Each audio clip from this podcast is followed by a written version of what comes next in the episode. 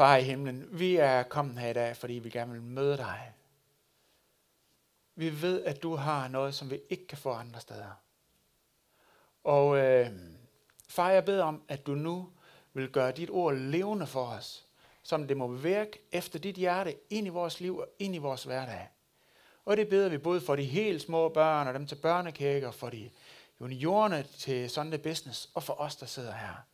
Far, vi har brug for dig. Amen. Ja, jamen altså, søndagen i dag hedder tredje søndag i Hellig Tre Konger. Og teksterne her efter jul handler om forskellige mennesker, der møder Jesus. For 14 dage siden var det de små børn, vi så på, og sidste søndag prædikede David om Jesus, der mødte den samaritanske kvinde. Og i dag er det så inderkredsen omkring Jesus. Jesu 12 disciple, som der er et møde med, som vi skal se på. Disciplerne har på det her tidspunkt vandret med Jesus i lang tid. Og Jesus har lige fra starten været tydelig om, at de var hans disciple, altså hans lærlinge. De var i gang med at lære af ham. Og de har set den kraft, som Jesus havde adgang til, udfolde sig i helt fantastiske under og ting, der skete, når Jesus han talte, og hvordan det påvirkede mennesker og sådan noget. De har hørt Jesus fortælle om Guds rige. Og det, vil er sådan set gerne lære af Jesus. De vil gerne leve ligesom Jesus og implementere de ting i deres liv og sådan noget. Men de har simpelthen også oplevet at komme til kort. De har oplevet deres egen begrænsninger. Og de har oplevet, at det ikke altid lykkes at gøre det, som Jesus prøvede på at lære dem, og de ting, han sagde og sådan nogle ting. Og, øh, og de har spurgt sig selv, hvordan kan vi komme til at gøre de samme ting, som Jesus han gør, som vores lærermester gør. Og det har de flere gange spurgt Jesus om, og Jesus han har hver gang givet dem svaret, at det øh, kræver tro. Så disciplene har derfor konkluderet, at de måtte have en større tro. Og det går de til Jesus med det her ønske og fremlægger det for Jesus. Og det vi skal høre i dag er, hvordan at det så går med det. Og prædiketeksten er fra Lukas evangeliet kapitel 17 fra vers 5 af, hvor der står. Apostlene sagde til Herren, giv os en større tro. Og Herren svarede, havde I en tro som et sennepsfrø, kunne I sige til dette morbærtræ, ryk dig op med roder og plant dig i havet, og det vil adlyde jer. Hvis en af jer har en tjener, som pløjer eller en hyrde, vil han så sige til ham, når han kommer hjem fra marken, kom straks og sæt dig til bords. Ej, vil han ikke tværtimod sige, lav mad til mig og bind kjortlen op om dig, og vart mig op, mens jeg spiser og drikker, og bagefter kan du selv spise og drikke. Og må han takker tjeneren, fordi han gjorde det, han har fået besked på. Således også I. Når I har gjort alt det, I har fået besked på, skal I sige, vi er unødige tjenere, og vi har kun gjort, hvad vi skulle. God søndag. Siger bare. Altså, nogle steder i Bibelen er lettere at prædike over. Og man kan opleve, at prædiken så nærmest skriver af sig selv, når man begynder at læse teksten og sådan noget. Jeg siger bare, at Lukas 17 fra vers 5 og frem er ikke et af de steder. Uh, det må jeg bare indrømme. Lad os lige prøve at tage en opsummering om, hvad det er, den her tekst den siger. Apostlene, altså de 12 mest betroede af Jesu disciple, fremsætter noget, man kunne egentlig tage for det umiddelbart frommeste ønske, man kunne forestille sig. De vil gerne have mere tro. Og Jesus han siger, hvis I havde en tro, der var bare så stor, altså så stor som et sennepsfrø, det er et meget, meget lille frø. Hvis nogen af jer har været landmand og har været ude og høst raps, så er det næsten det, øh, den størrelse der, eller det birkes, der er oven på den rundstykke, måske har spist fra morgenen af. Jesus siger, hvis I havde en tro, der var bare så stor, så kunne I gøre næsten hvad som helst. Og så fortæller Jesus en lignelse, der slutter med en formaning til apostlene om, at de skal have det selvbillede, at være unødige tjenere, øh, der ikke gør noget, der fortjener nogen særlig ros. Okay, god søndag. Hvordan i alverden skal vi lige forholde os til det? Er Jesus ikke unødig hård ved disciplene? Åh, måske. Syv kapitler tidligere, der kan vi læse om, at Jesus han har øh, udrustet disciplene og sendt dem ud to og to til at gøre de samme ting, som øh, han har gjort. Og de er kommet tilbage og glædestrålende fortalt om, hvordan det lykkedes for dem Og Jesus han har glædet sig sammen med dem over deres succes. Og nu kalder han dem unødige tjenere, der til syneladende ikke engang har en tro på størrelse med et lille bitte sennepsfrø. Hvordan skal vi forholde os til det? Hvad er det, det her det handler om? Ja, det starter i hvert fald med, at disciplene spørger om mere tro. Så det vil vi prøve at tage udgangspunkt i og se nærmere på tre ting omkring tro. For det første, hvordan troen fungerer i vores hverdag. For det andet, hvad teksten lærer os om, hvad tro er. Og for det tredje, hvad teksten lærer os om, hvordan vi får mere tro. Så først, hvad er tro?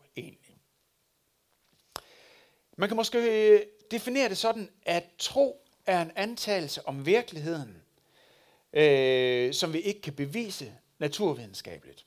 Tro er en antagelse om virkeligheden, som vi ikke kan bevise naturvidenskabeligt. Og jeg vil for, øh, påstå, at faktisk alle folk, der bor i Kolding, anvender tro hver eneste dag for i det hele taget at få hverdagen til at fungere. Alle mennesker har noget, de antager, som ikke kan bevises. Jeg tror på, at min hustru Bente elsker mig. Jeg kan ikke bevise det overfor jer, hvis I sagde, hvordan vil du bevise det? Øh, men jeg ser mange tegn på, at det forholder sig sådan, og øh, jeg satser på, at det er sådan, og handler ud fra det i min hverdag. Jeg tror også på, at mine kollegaer vil mig det godt, Derfor låser jeg ikke den skuff, jeg har med lakridspiber til øh, trange tider, hvor jeg simpelthen ikke kan komme videre uden at få en lakridspibe. Fordi jeg tror på, at det kan de godt øh, ligesom leve med, at jeg har brug for at have en lille øh, lager der. Jeg tror samtidig på, at der er andre mennesker, der ikke nødvendigvis vil mig det godt, og derfor låser vi vores hus, når vi tager afsted, og det står tomt derhjemme. Tro, tillid og formodninger og antagelser som jeg ikke kan bevise, er den mest naturlige del i vores hverdag. Og ellers ville Sønderjysk jo heller ikke øh, have så mange fans, kan man sige. Så vi agerer alle sammen ud fra tros overbevisninger i hverdagen. På det helt øh, overfladiske plan. Men der er faktisk også tros overbevisninger, som ligger et, en tand dybere, som jeg er sikker på, at vi alle sammen øh, gør brug af i hverdagen også selvom de ikke kan bevises. For eksempel, så kan ingen af os bevise næste kærlighed. Men jeg tror, at alle navigerer efter, at næste kærlighed er godt og bedre end egoisme og had. Det behøver man ikke være kristen for at have den overbevisning, men det er en tros overbevisning, som de fleste faktisk navigerer efter i hverdagen. Så tro som overbevisning, altså noget, der ligger over det, vi kan bevise, vil jeg sige, at vi alle sammen benytter os af i det daglige. Og overbevisning er ikke nødvendigvis det samme som overtro eller blind tro. Men overbevisning er noget, vi gennem, øh, gennem erfaring vælger som respons på det, som vi oplever i vores hverdag. Det er ikke nødvendigvis overtro, men det er noget, vi vælger som respons på de ting, vi møder i vores hverdag. Så at tro på Gud betyder at antage noget som sandt og virkeligt, selvom vi faktisk ikke kan bevise, at Gud er til. Vi kan ikke bevise, at Gud er til, men vi vælger at tro på ham. Det er faktisk den samme ting, som ateister gør. De kan ikke bevise, at Gud ikke er til, men de vælger at tro på, at det er han ikke. Så jeg vil sige, at uanset hvem vi taler med, så er der nogle tros overbevisninger, som vi handler ud fra i det daglige. Og øhm, så er der forskellige måder, som vi i en vestlig, sekulær kultur vælger at se på det og have tros overbevisninger. Og øh, jeg vil prøve at kigge på to af de mest øh, kendte bud på, hvad for en plads troen skal have. Og en af de øh, udbredte antagelser er, at troen er en privat sag, så troen skal privatiseres. Du kan tro på det, du vil, men det vedrører ikke det, som vi sådan handler ud fra fælles i samfundet, når vi skal tage politiske beslutninger eller agere i, på vores arbejdsplads eller, eller sådan noget. Troen er en privat sag, det skal den have lov at være, den skal bare holde sig derhjemme. Men den forståelse af troen svarer faktisk ikke særlig godt til den rolle, som troen har haft op igennem historien. Og jeg vil prøve at komme med nogle eksempler. Første eksempel er, da troen blev, eller ikke da troen blev afskaffet, da slaveriet blev afskaffet i øh, det vestlige samfund. Og en af dem, som var forgangsmænd i det, hed William Wilberforce, som var øh, personlig kristen og engelsk parlamentariker. Og han kæmpede hele sit liv for, at øh, slaveriet skulle afskaffes. Og det gjorde han ud fra sin kristne tro på, at alle mennesker er skabt i Guds billede.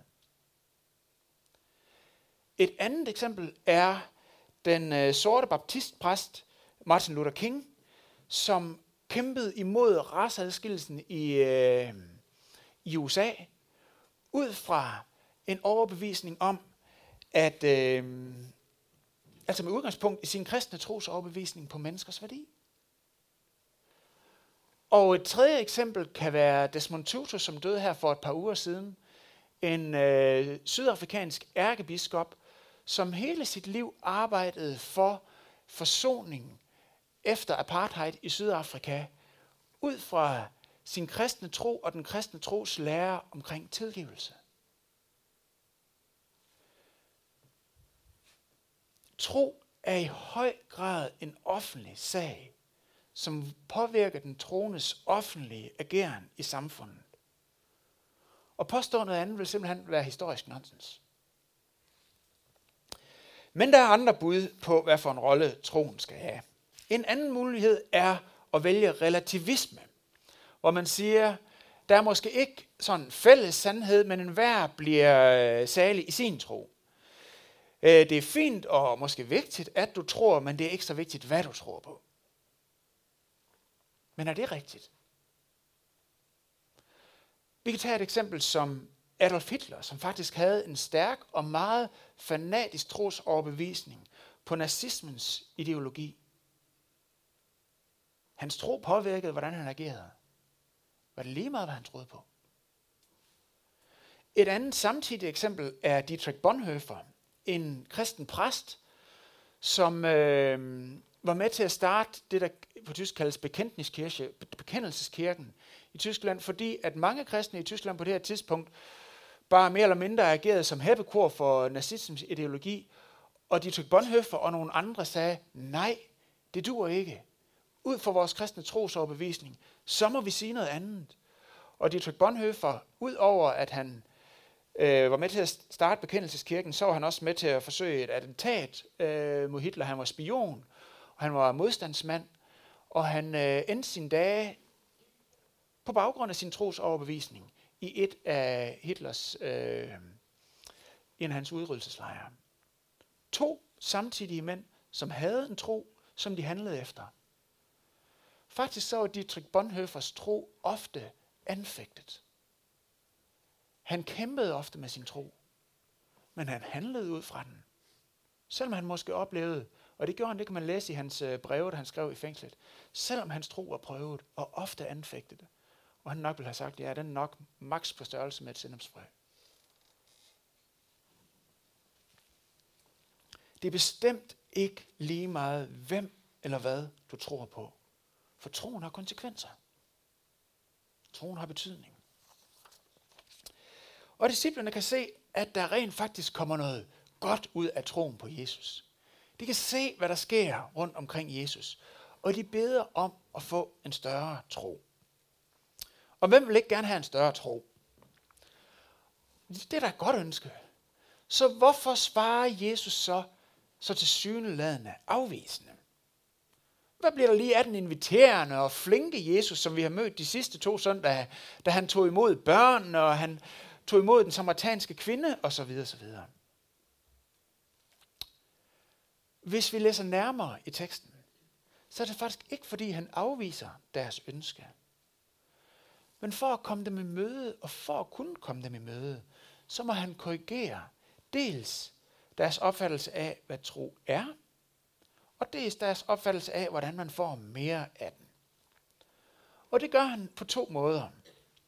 Dels ved at korrigere deres opfattelse af, hvad tro er, gør han ved at fortælle eller bruge det her metafor omkring sennepsfrøet og øh, morbærtræet, og for at korrigere deres opfattelse af, hvordan man får mere af troen, så fortæller han den her lignelse om en tjener og den tjeners herre.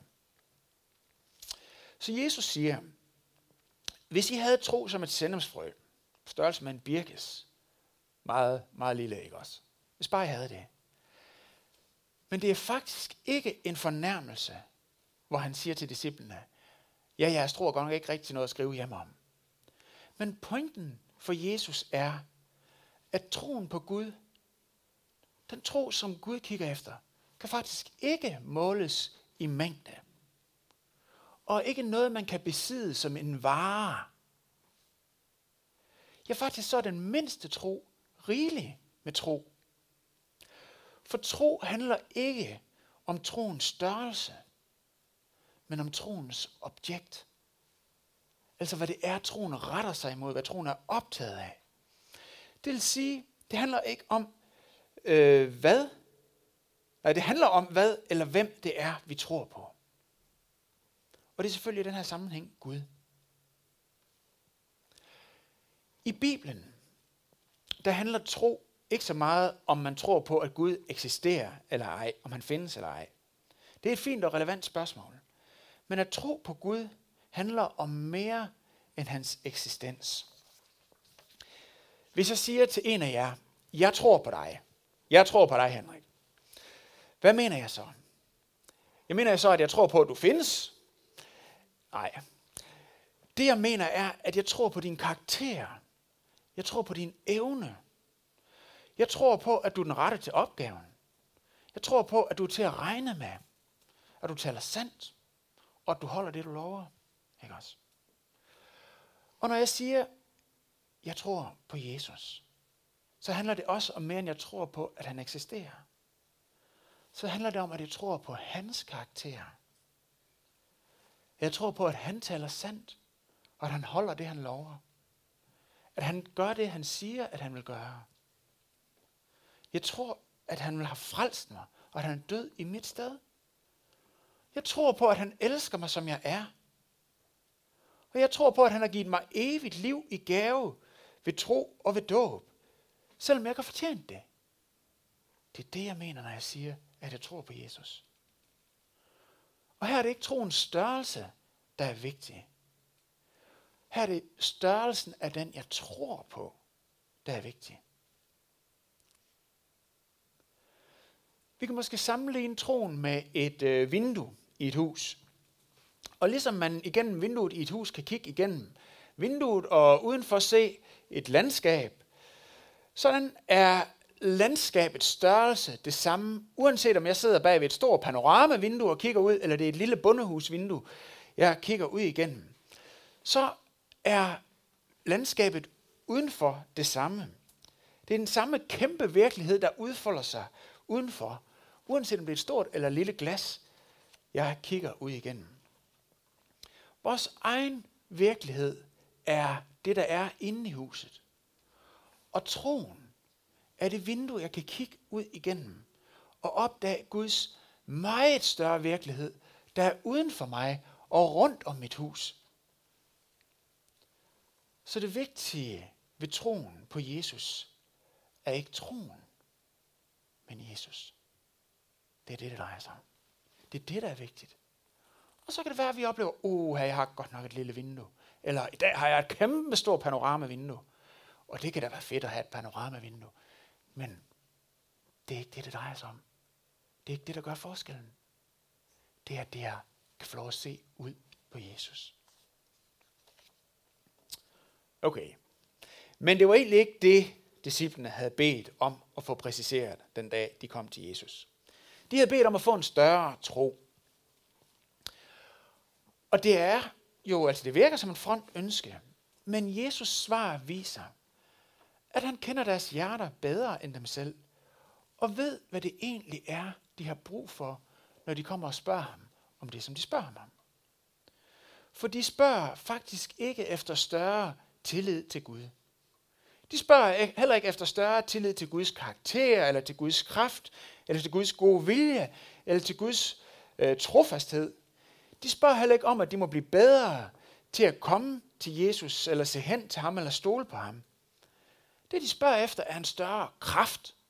En større mirakeltro, der kan udvirke noget, som kan gøre nogle ting. De spørger efter mere af Guds mirakelkraft. Og prøv at lægge mærke til, Jesus siger faktisk ikke til dem, nej, nej, hov, hov, det skal I ikke regne med at få mere af. I kan ikke få mere af Guds kraft der. Faktisk så siger han til dem et andet sted, at de skal få lov til at gøre større ting end ham. Så det er ikke fordi Jesus han er karrig med at dele ud af det. Så det er altså ikke en afvisning af disciplene, at uh, Jesus kommer med. Det er ikke en afvisning af, at Gud skal få lov til at virke mægtigt igennem dem. Men i stedet for, så siger han til dem, venner, det I spørger efter, det kræver faktisk ikke en større tro, som I forestiller jer det. Men det kræver derimod større lydighed. Lignelsen, som Jesus fortæller, handler jo om, at Gud er vores konge og herre. Og han siger disciplene, og I er hans tjenere. Og tjenere er så nogen, der gør, som de får besked på. Og troen på Gud vokser, når vi gør Guds vilje. Det han siger til disciplene er egentlig, jo mere lydige I er, og jo mere I underlægger jer Gud, jo mindre modstand I har over for Gud, og jo mindre I søger at hævde jer selv, og jo mindre I fokuserer på anerkendelse for mennesker, og i stedet bliver optaget af at ære Gud, jo større kraft og ansvar vil Gud betro jer. Og den, der tror i det små, vil blive sat over større ting. Vi spørger måske, hvordan kan vi få en større tro, så vi kan, begæ, så vi kan bevæge Gud til at virke igennem os med sine under og ting og sager, sådan vi kan sige, øh, mobbefintræ, ud til højre, eller øh, et eller andet, så vi kan befale, eller gøre et eller andet, eller øh, et eller andet kraftfuldt. Og, og Jesus siger ikke, uh, det må I slet ikke ønske. Men Jesus siger, vil I være lydige og gøre, som jeg siger, så vil I kunne holde til, at jeg virker mægtigt igennem jer, og bruger jer i min plan om at bringe mit rige og min frelse til alle mennesker. Så Jesus, han kommer faktisk sine disciple i møde i dag. Men han gør det ved at sætte fingeren på, på noget, som var, var, var det ømme punkt, og så trykker han på det. Så apostlene, og måske også vi, kan få øjnene op for deres, og måske også vores misforståelse. Så de kan se, at den vej, der ligger foran dem, først og fremmest handler om ikke at gøre store under, men først og fremmest handler om at være lydig over for det, Jesus han siger til os. Og det er måske nok et af de elementer ved troen, de fleste af os helst vil have sprunget over. Lydighed. Ah, jeg tager lige en længere øh, morgensøvn i dag, øh, og så tager jeg en anden søndag, hvor der er lidt venligere emne på dagsordenen.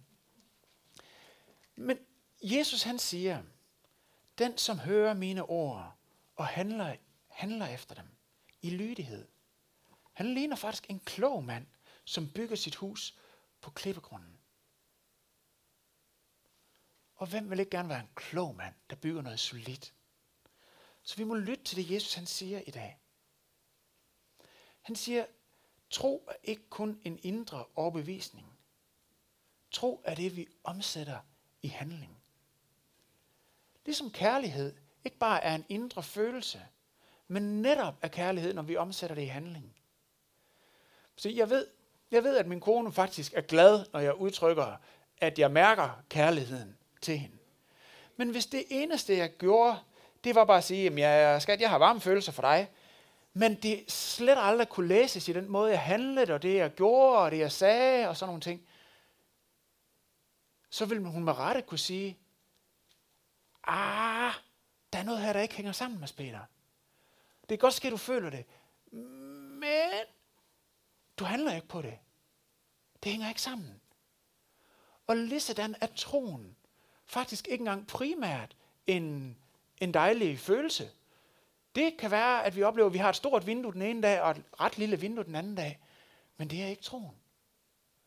Den er god. Det er godt at have en varm følelse og sådan nogle ting. Og det skal vi med glæde øh, opsøge og være glad for, når vi oplever det.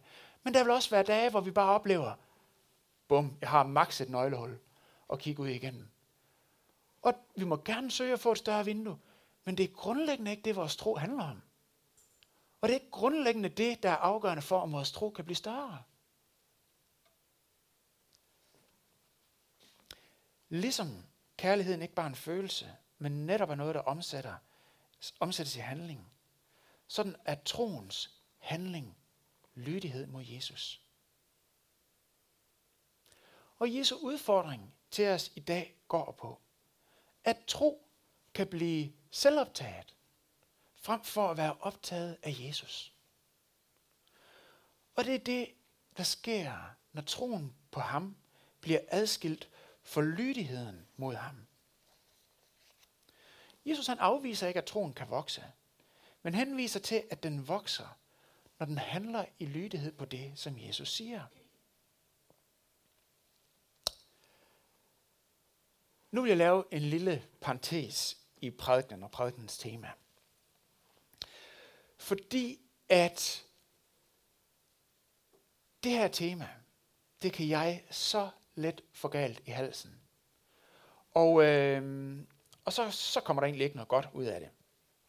Fordi jeg tror, det der nemt sker, når vi som i dag taler om lydighed og villighed til at allyde, så kommer vi nemt til at se på os selv. Og se på vores egen personlige lydighed.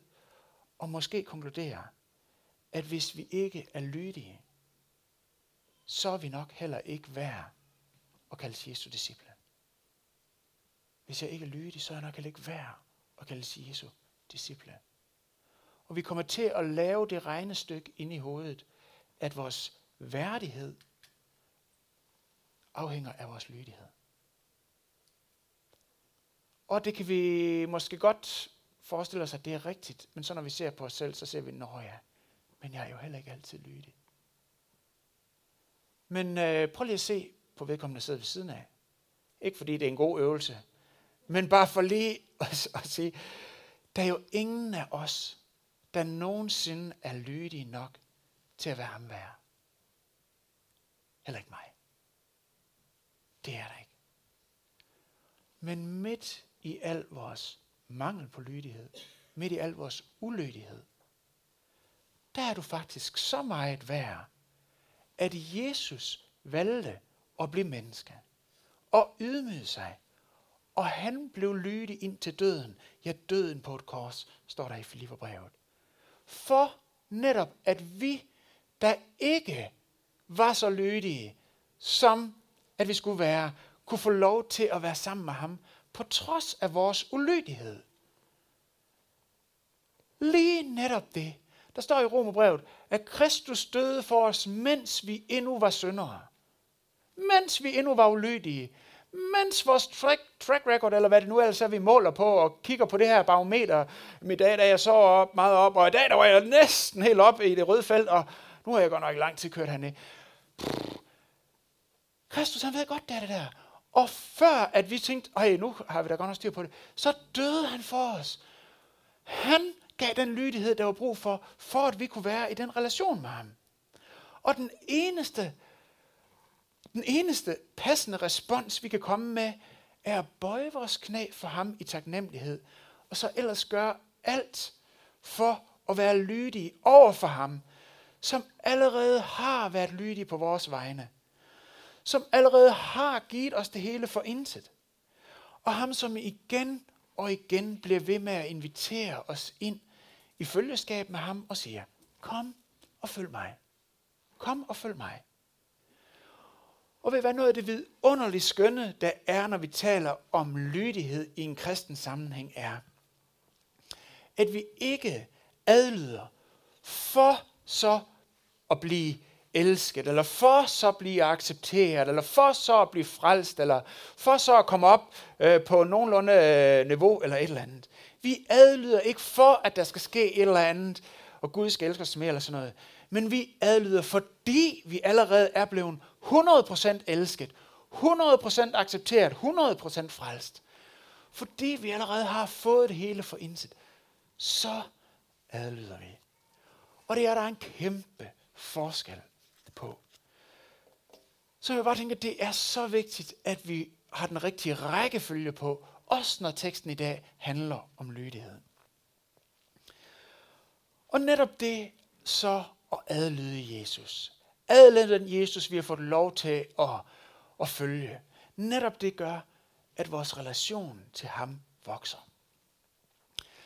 Så der er tre gode nyheder til os i dag.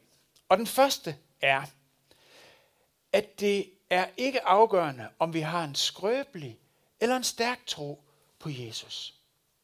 Det, der er afgørende, er, at det er Jesus, vi tror på. Det var den første gode nyhed. Den anden gode nyhed er, at selv den mindste tro, tro på størrelse med et sandapsfrø eller et birkes, kan gøre en stor forskel, når vi bruger den til at tjene Gud og andre mennesker. Det var den anden gode nyhed. Og den sidste gode nyhed er, at vores tro kan faktisk vokse. Og det sker, når vi hører, hvad Jesus siger, og handler på det. Tre gode nyheder til os i dag. Og så vil jeg invitere jer til at rejse jer op. Vi skal bede lige om lidt. Men øh, inden vi vil bede sammen, så vil vi lige tage en, øh, en, en lille stund til at respondere på det her. Og øh, hvis du i dag står med et ønske om, at din tro må blive større, så vil jeg her give dig et par relevante spørgsmål at reflektere over. Det første er, kalder Jesus dig til at være lydig på et eller andet område? Er der et område, hvor du ved, ja, her kalder Jesus mig faktisk til at være lydig over for det, han som har siger til mig? Er der et område i dit liv, hvor Jesus siger til dig, hey, det kan godt ske, at det, jeg taler til dig om, det ikke lige lyder som et svar på den bøn, som du beder, eller det, som du har, øh, det spørgsmål, du har stillet. Men det, jeg siger til dig, og det du egentlig har brug for, er at stole på mig og gå i tro. Er der et område, hvor ånden visker til dig og siger, kom, stol på mig og gå i lydighed. Kom, stol på mig og gå i lydighed. For det, netop det, vil åbne op for mere af min virkelighed i dit liv. Lad os lige stå bare et halvt minut, hvor vi kan snakke med Jesus om det. Lyt og respondere. Kære Jesus, tak fordi at du er her i dag. Og tak fordi at du nu møder os, og når du taler til os, så taler du altid med noget godt. Så er det altid bedre, end vi havde kunne forestille os så er det simpelthen fordi, du har noget, der er bedre til os, end det vi måske selv har kunne fundet på at bede om. Og tak fordi du bliver ved med at kalde på os og lede os ind i mere af din virkelighed. Tak fordi du rent faktisk vil give os en større tro. Tak far, fordi at du øh, tænker større tanker, end vi tager håb for os selv. Far, I hjælp os til at respondere med tillid tro og med lydighed, når du kalder os.